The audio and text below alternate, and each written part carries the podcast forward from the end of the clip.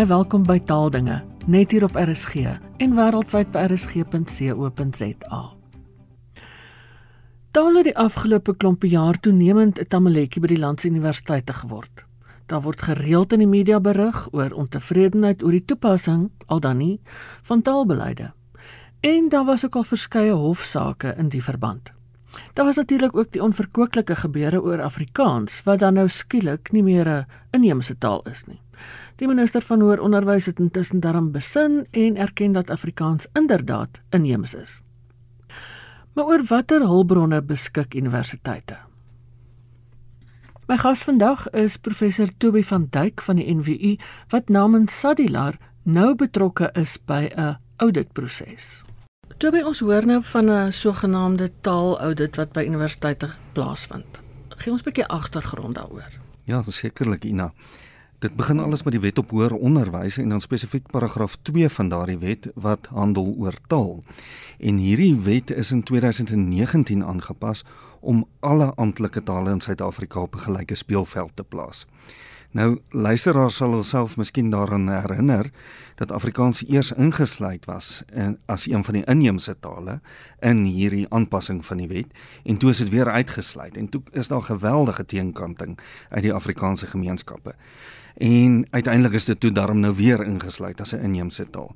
Nou in 2020 is die en ek moet dit nou in Engels noem want dit is hoe dit bekend staan, die Language Policy Framework for Public Higher Education Institutions gefinaliseer en ook gepromulgeer. En ja, nou moet dit natuurlik geïmplementeer word. Nou wie moet die implementering doen en hoe sal dit werk? Dis 'n baie belangrike vraag Ina.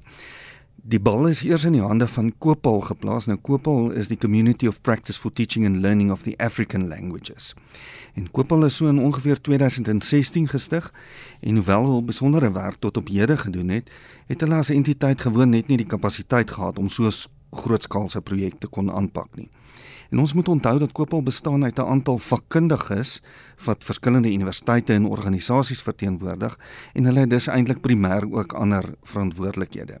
Nou van Kopal af is dit toe weer in die hande van Universiteite Suid-Afrika of USAF soos hulle bekend staan geplaas wat toe weer besluit het dat hulle 'n nasionale entiteit eintlik moet identifiseer wat wel die kapasiteit en die kundigheid het om hierdie hele saak te bestuur namens Kopal en namens USAF dan.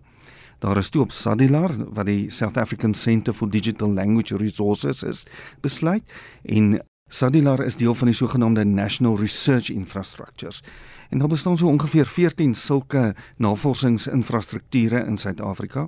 En Sadilar is die enigste een van daardie ongeveer 14 wat met taal werk en wat dan ook 'n nasionale verantwoordelikheid het om daarmee te kan werk. Sadilar het toe ingestem om dit te doen, maar het vereis dat dit stapsgewys hanteer word. So eerstens het hulle inkoop van topbestuurders by universiteite gesoek wat ek dink 'n baie wyse benadering was. Daar is toe 'n sogenaamde Vice Chancellor's Colloquium gestig waarop alle fisiekanseliers of rektore in Suid-Afrika dan nou dien. En by die eerste colloquium wat in 2021 in Stellenbosch gehou is, is die inkoop van alle verteenwoordigers gekry wat natuurlik baie belangrik is vir hierdie taalhulpbronne audit. Want vir iets soos hierdie om te kan werk, moet die groot baas, as ons hulle so kan noem, agter die saak staan. Anders gaan net niks ooit gebeur nie. Sadilar het toe die mandaat gekry om voort te gaan met die taalhulpbronne audit, want ons moes eerstens weet watter taalhulpbronne is by hoër onderwysinstellings beskikbaar. Ons is met ander woorde ina primêr besig met 'n voorraadopname van taalhulpbronne. En dit word by alle universiteite in Suid-Afrika gedoen. Ons het nou reeds 7 van die 26 universiteite afgehandel en ons begin al 'n idee te kry van wat waar beskikbaar is en ook hoe toeganklik dit dan nou is. Nou, sodra ons hiermee klaar is, kan ons definieer watter taalbronne is nog nodig.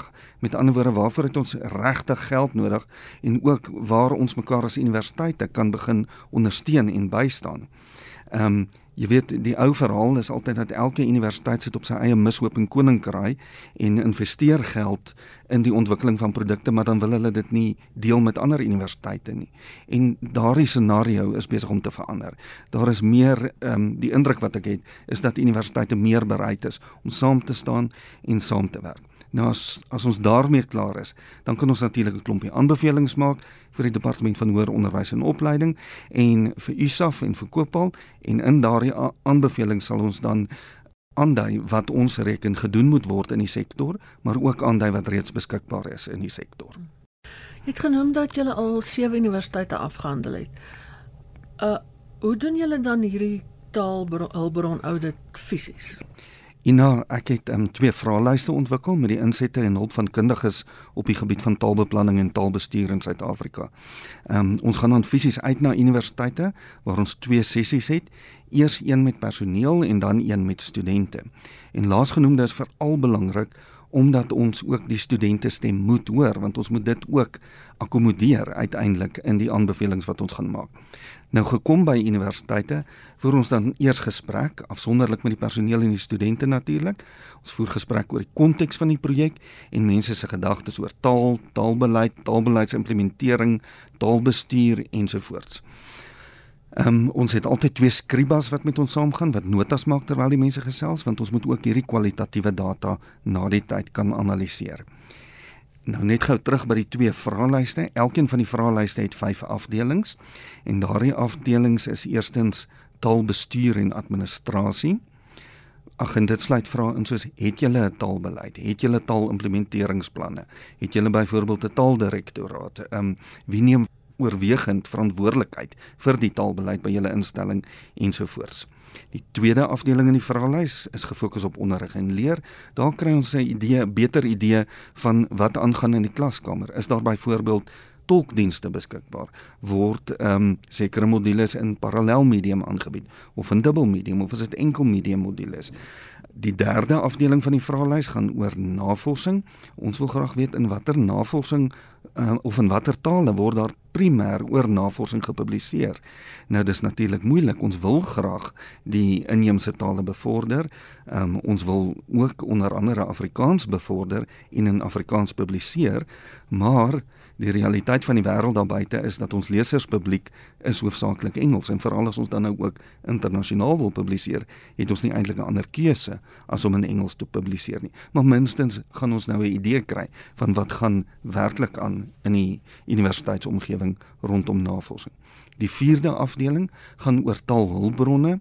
Dit is byvoorbeeld in um, sake soos of daar vertaaldienste is, is daar redigeerdienste, is daar byvoorbeeld 'n um, ehm, taal en grammatika toetsers in verskillende tale beskikbaar ensovoorts. En dan die laaste afdeling gaan oor studentelewe. Daar wil ons byvoorbeeld weet hoe vanuit die personeelperspektief maar ook vanuit die studente perspektief hoe taal ervaar word op kampus? Word vergaderings in koshuise byvoorbeeld slegs in een taal gedoen of is daar is daar metodes wat gebruik word om meer as een taal daar te gebruik? Ehm um, word gradeplegtighede slegs in een taal of dalk twee tale soos wat ons sien die praktyk is maar is gedoen of gebruik ons eintlik 4 of 5 tale by universiteite? Nou, ina hierdie vyf afdelings toon baie raakvlakke met die beleidsraamwerk, hierdie language policy framework waaroor ons praat vandag en die vraag verskaf vir ons baie handige inligting oor die implementering van hierdie beleidsraamwerk. Daar is kwantitatiewe vrae en kwalitatiewe vrae ingesluit. Kwantitatiewe vrae se data gebruik ons om statistiese analises mee te doen, te kyk na patrone, te kyk na tendense en dan die kwalitatiewe vrae word gekodeer en dan geanaliseer sodat ons ingeligte aanbevelings uiteindelik sal kan maak. Kan jy vir ons 'n bietjie voorbeelde gee van taalhulpbronne? Ek wou dit nou-nou al gevra het, maar toe besef ek dit ek gaan jou dalk um, vooruitloop. Ja, graag Ina. Ehm um, Ek het nou so vinnig daarna verwys, maar taalhulpbronne sluit sake in soos 'n taalbeleid word geag as 'n hulpbron. Taalplanne. Het jou het jou universiteit 'n taalombud of 'n afdeling wat die taalbeleid en die implementering daarvan bestuur? Ehm um, is daar byvoorbeeld gespesialiseerde of vakkundige en meertalige termlyste of glossariums beskikbaar vir die verskillende dissiplines? Ehm um, watter te talige tegnologiese hulpmiddels is beskikbaar? Byvoorbeeld speltoetsers soos wat ek genoem het. Is daar infrastruktuur beskikbaar by universiteite. En daar verwys ons na na goed so taallaboratoria. Ehm um, is daar vertaaldienste, tolkdienste ook soos ek genoem het. Belangrik, is daar voldoende ekspertise of kundigheid in die betrokke instelling oor taalontwikkeling. Hier kyk ons dan natuurlik veral na of daar voldoende toegepaste taalkundiges en taalopvoedkundiges by universiteite werksaam is. Ehm um, iets wat my baie na in die hart lê is die die saak van taalontwikkelingskursusse. Byvoorbeeld, ons weet dat akademiese geletterdheid 'n groot kwessie is by universiteite. Ehm um, en dit is belangrik dat sulke tipe ondersteuning vir studente beskikbaar moet wees. So ons ag dit ook as 'n hulpbron. En miskien laastens is daar is daar fasiliteite so skryflaboratoriums en leeslaboratoriums want dit is addisionele ondersteunings of ondersteuningshulpbronne wat ons vir studente kan bied. Kon jy al sekere tendense of patrone agterkom? Ina, dis nog 'n 'n bietjie moeilike vraag om te antwoord op hierdie stadium en die antwoord is ja en nee. Ehm um, nee, want dit is nog te vroeg. Ons het nog te min data nadat ons nou net met sewe universiteite klaar is om tot enige finale gevolgtrekkings te kan kom. Maar ons begin wel sien dat sommige universiteite geweldige hulpbronne be beskikbaar het, ander het weer feitelik niks beskikbaar nie. En ons sien en natuurlik heel voorspelbaar ook dat Engels in praktyk die voertaal vir onderrig en leer en vir navorsing en kommunikasie is by universiteite. Maar wat ons ook agterkom is dat universiteitspersoneel en studente spreek baie sterk die behoefte uit dat meertaligheid inderdaad bevorder moet word in die hoër onderwyssektor. Dis goed om te hoor. ja, inderdaad. Ehm um, Toby, wat is die kern van hierdie language policy framework vir uh hoër onderwysinstellings?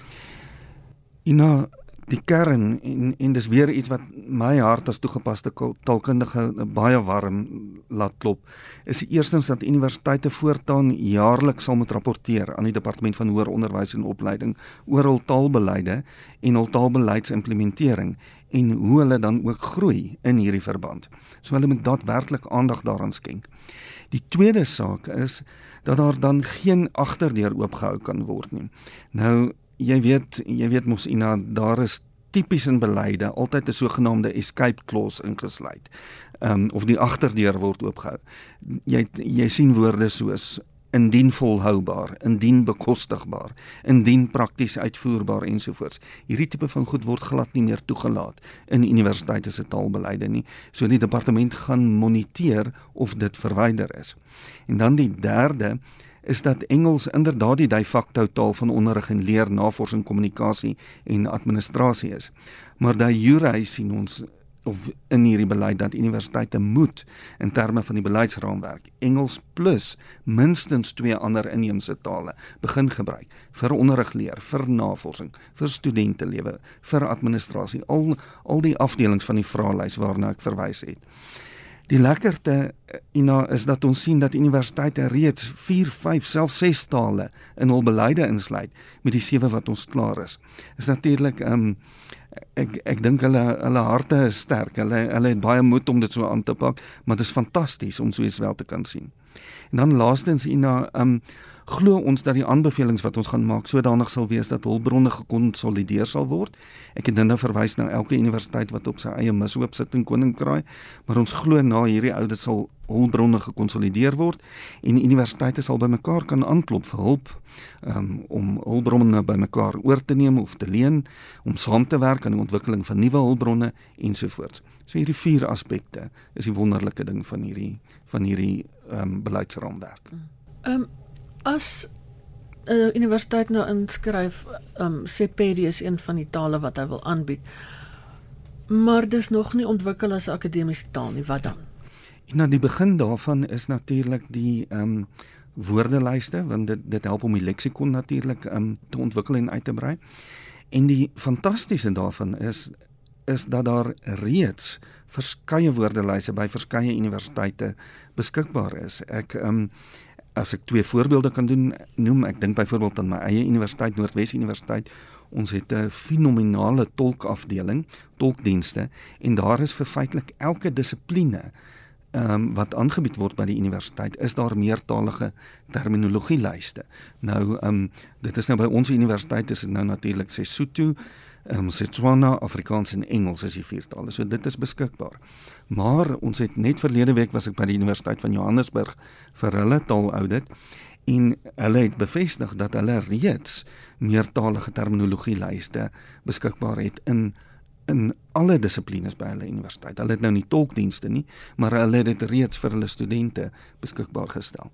En dan ja, as die leksikon daar is, dan is daar allerlei inisiatiewe om dit te begin gebruik in die klaskamers, um, om dit te begin gebruik op kampus by koshuise en dis meer. Stadig trekkie vir trekkie, maar stelselmatig is ons dan besig om die tale te begin uitbou. Dis natuurlik 'n ding wat oor jare, oor dekades gaan moet plaasvind. Um, ek wonder of in my lewenstyd of ons by 'n punt gaan uitkom waar Setswana of Sepedi sê nou maar volledig as onderrigleertaal gebruik sal kan word, maar ons begin daarmee en ten minste begin ons en dis belangrik. Hmm. Hoekom het dit so lank gevat om hier te kom want die, die idee was tog al hier in Jacques Gerwel se tyd dat elke universiteit moet 'n uh, 'n uh, swart taal ontwikkel. Ja, inderdaad, Ina, um, goed voor 94 ons almal weet wat hierdie beleide toegesê Afrikaans en Engels. Ehm um, en toe het ons die nuwe, nuwe grondwet wat natuurlik alle tale op gelyke voet geplaas het. En soos jy sê inderdaad het daar dan nou al jare gelede ehm um, onder Jacques Gerwel is daar gesê dat ons moet ook die Afrika taal of die inheemse tale begin ontwikkel. En ehm um, my vermoede is dat die die verantwoordelikheid is destyds aan die Pan-Suid-Afrikaanse Taalraad ehm um, gegee, maar daar het ongelukkig nie veel daarvan gekom nie. Daar is hier en daar is daar blyke van fantastiese werk wat gedoen is. Ek weet byvoorbeeld ehm um, en dit is gesetel by die Universiteit van KwaZulu-Natal, daar is fantastiese hulpbronne ontwikkel vir isiZulu. Ehm um, by my eie universiteit weet ek daar is 'n groot klomp hul, hulpbronne vir Setswana ontwikkel. Ehm um, ons weet natuurlik ehm um, by die WAT wat in Stellenbosch gesetel is, daar is al reeds 'n enorme groot hul, stel hulpbronne vir Afrikaans.